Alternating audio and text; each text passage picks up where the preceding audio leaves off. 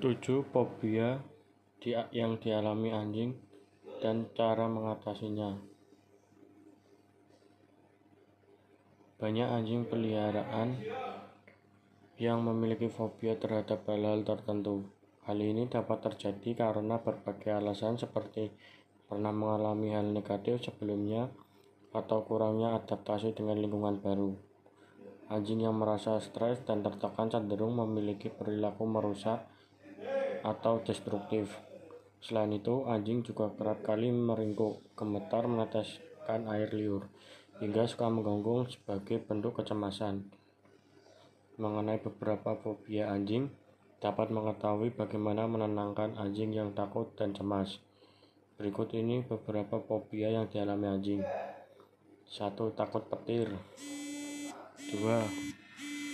Takut kembang api 3. Cemas akan perpisahan kesendirian beberapa waktu waktu lain